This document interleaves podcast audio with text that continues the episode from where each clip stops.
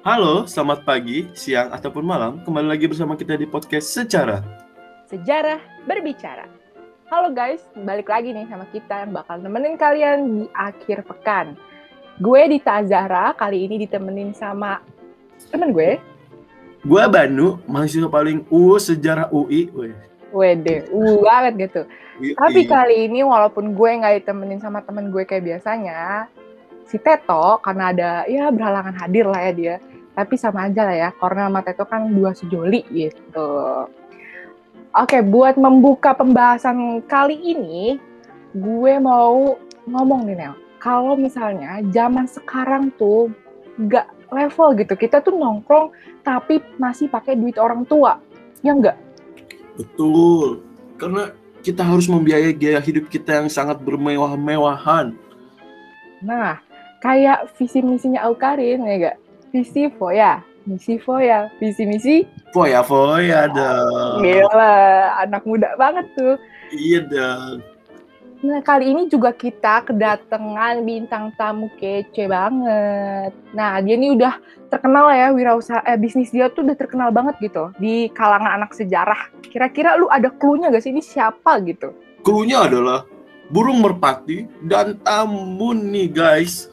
Waduh, kenapa nggak elang gitu nih? Gue kepikiran tuh kenapa harus merpati? Kenapa nggak elang gitu? Karena merpati menyampaikan pesan-pesan yang ingin kita sampaikan. Ya wede kelas. Ya udah, langsung aja nih kita panggil Sasa Halimatu Sadia Wulandari Mutakin. Panjang bener tuh nama kayak Depok ke Tambun. Caca, waktu dan tempat dipersilakan. Halo, Halo. Caca. Halo Caca. Halo Dita, Banu. Gue dipanggilnya Caca aja ya sini biar enak. Yo, santuy aja, Ca. Oke. ya mau nanya apa nih Dita, Banu? Nah, gue pertama-tama mau nanya nih sama lu. Gimana sih latar belakang dan awal mula lu tuh mulai atau merintis suatu usaha gitu? Oke, jadi latar belakang gue buka bisnis Frozen ini sih awalnya karena ini ya, karena desakan dan kebutuhan gitu.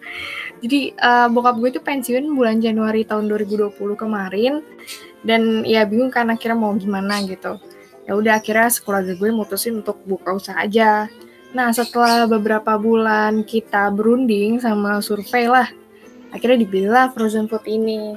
Kenapa frozen? Pertama itu karena makanan kan kebutuhan primer manusia ya. Masa orang nggak makan sih gitu. Terus eh, gimana sih caranya biar produk kita tuh tetap awet tapi tanpa pengawet? Ya caranya ya dengan frozen itu. Jadilah dipilih frozen food. Nah, fun fact aja nih, kenapa namanya merpati frozen food gitu? Orang-orang tuh pada ngira oh jualan merpati beku gitu, burung merpati beku. Bukan. Jadi merpati frozen food ini tuh diambil dari nama jalan rumah gue. Jadi nama jalan rumah gue itu kan jalan merpati 3, makanya dinamain merpati frozen food gitu. Oh begitu, kirain ingin menyampaikan pesan-pesan yang ingin disampaikan oleh Cacu melalui usaha ini. Nah, Ca, selain itu, lu punya usaha apa sih selain merpati frozen food? Gitu? Untuk saat ini sih belum ya, gue masih fokus ke Frozen dulu karena eh, masih baru berjalan hampir setahunan. Jadi masih mau ngembangin dulu, masih mau perdalamin dulu. Takutnya kalau gue merambah ke bisnis lain, Frozen ini jadi kurang pegang maksimal gitu. Jadi ya doain aja lah, semoga ke depannya gue punya bisnis-bisnis yang lain. Nah, untuk pembagian waktu nih, lu kan ada usaha, ada kuliah, lu bagi waktunya gimana sih, Cak? Kalau soal pembagian waktu ya, karena usaha gue ini masih di rumah, masih di teras rumah, jadi waktunya tuh masih cukup fleksibel. Jadi gue belum bikin jadwal yang gimana-gimana sih.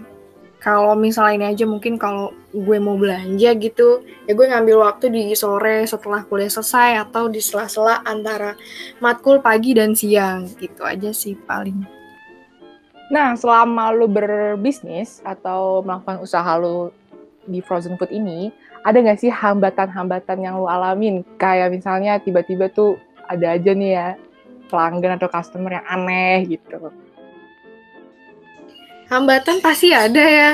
Jadi eh, misalnya lagi gue gue lagi kuliah nih, terus dosen lagi ngasih materi, terus ada customer dan kebetulan lagi nggak ada orang di rumah jadi ya mau nggak mau gue yang ke depan gitu jadi kadang-kadang dosen materi dosen yang lagi gue dengerin tuh kepotong dan kedua misalnya kalau barang stoknya tinggal satu dan customer tuh belinya dua ya gue harus ngubungin ganti produk yang lain.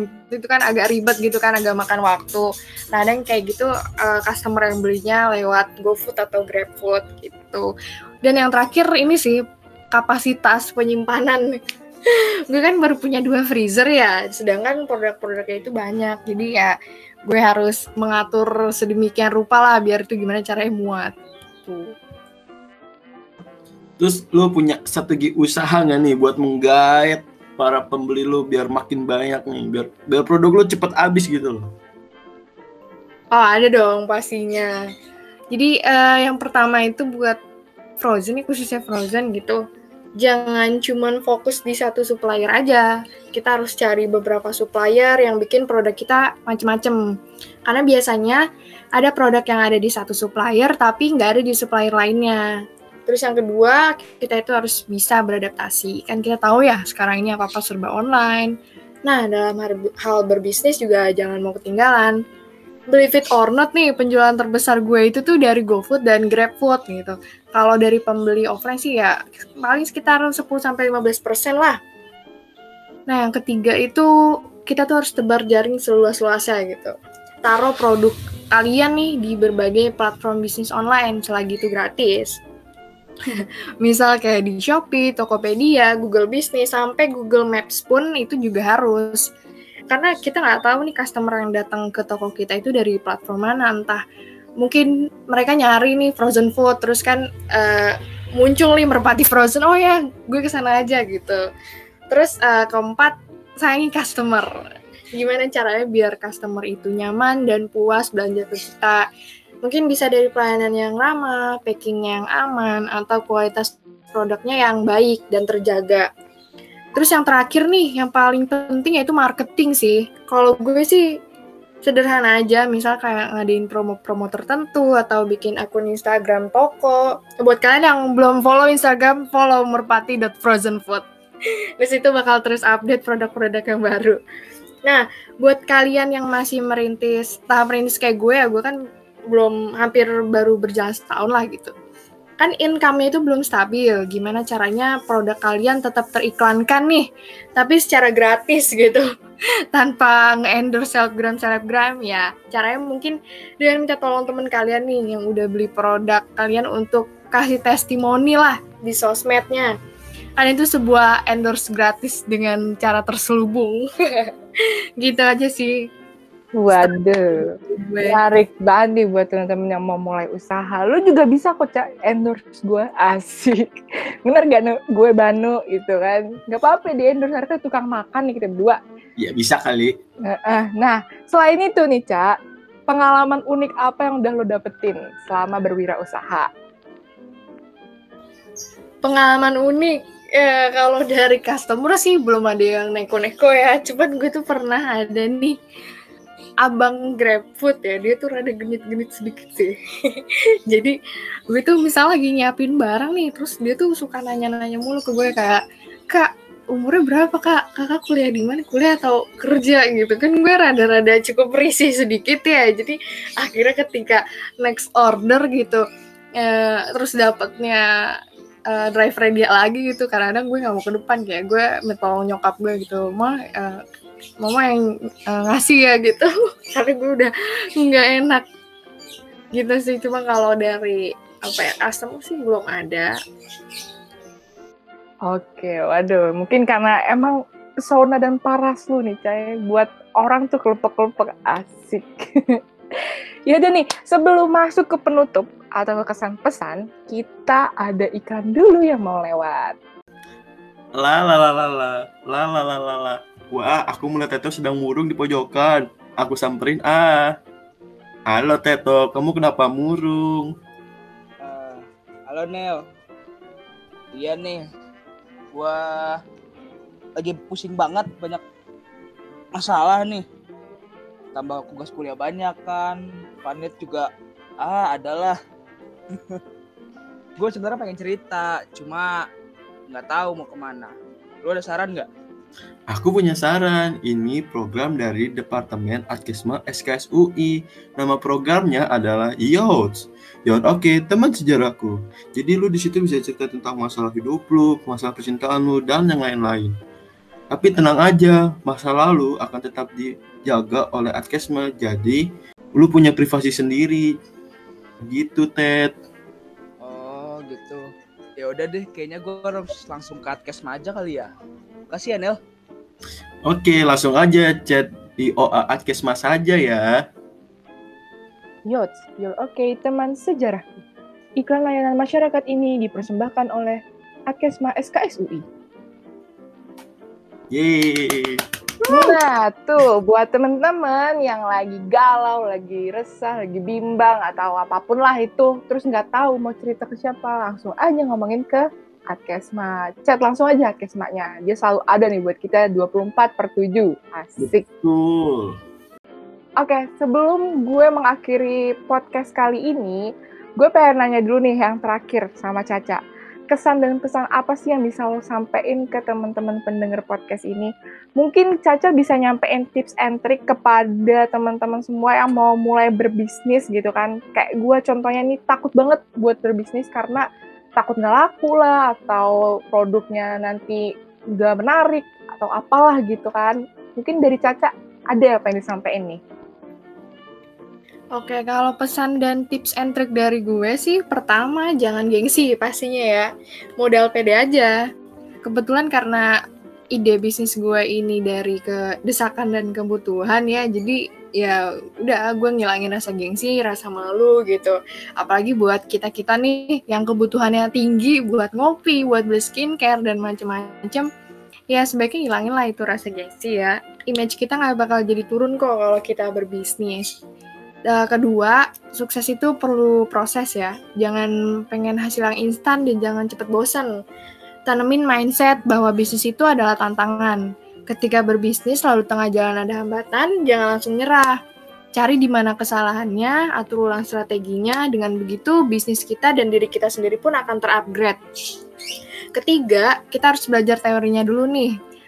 Misal tentang cara marketing, keuangan, sampai survei kebutuhan konsumen pun harus bisa ikut workshop atau baca-baca jurnal gratis atau ngobrol nih sama orang-orang yang udah berbisnis gitu. Karena kesalahan orang-orang itu adalah langsung terjun bisnis tanpa tahu dasar-dasarnya itu seperti apa. Ibaratnya kita kalau mau berenang kan harus belajar dulu tentang gaya renang. Dan uh, jangan langsung berenang gitu, karena nanti kan kita bisa tenggelam kalau kita nggak tahu dan nggak bisa gaya renang gitu. Dan terakhir kalau kita berbisnis nih, jangan lupa sayangi diri kita sendiri sebagai penjual. Buat kalian khususnya mahasiswa atau pelajar yang mau nyambi buka bisnis, jangan sampai ngeganggu dan ngalahin akademis kalian. Ingat tugas utama kita sebagai pelajar dan mahasiswa ya tetap belajar. Apalagi kalau sampai megang organisasi juga nih. Jangan sampai lalai lah pokoknya gitu ya. Harus pinter-pinter manajemen waktu aja. Gitu. Sekian tips and trick dari gue. Nah tuh teman-teman dicatat tuh ya uh, tips and trick dari Caca. Ya, tapi boleh kan ya Ca dari teman-teman yang mau mulai bisnis terus butuh sharing gitu bisa langsung hubungin lo ya nggak sih Ca? Bisa banget. Gue bakalan terbuka kok kalau kalian mau nanya-nanya. Wih, itu kan baik banget emang nih Kak Salsa ya gak? Oke, mungkin cukup sekian ya acara podcast kita kali ini yang ditemani gue, Banu, dan Caca gitu. Tapi jangan lupa buat terus dengerin podcast kita tiap hari Sabtu jam 7 malam yang bakal nemenin uh, akhir pekan kalian dengan keseruan-keseruan menarik dan materi-materi unik yang ada di dalamnya. Ya enggak, Nel? Betul. So, dengerin terus and stay tune and podcast secara only on Spotify. See you guys! See you. Bye-bye. Yay.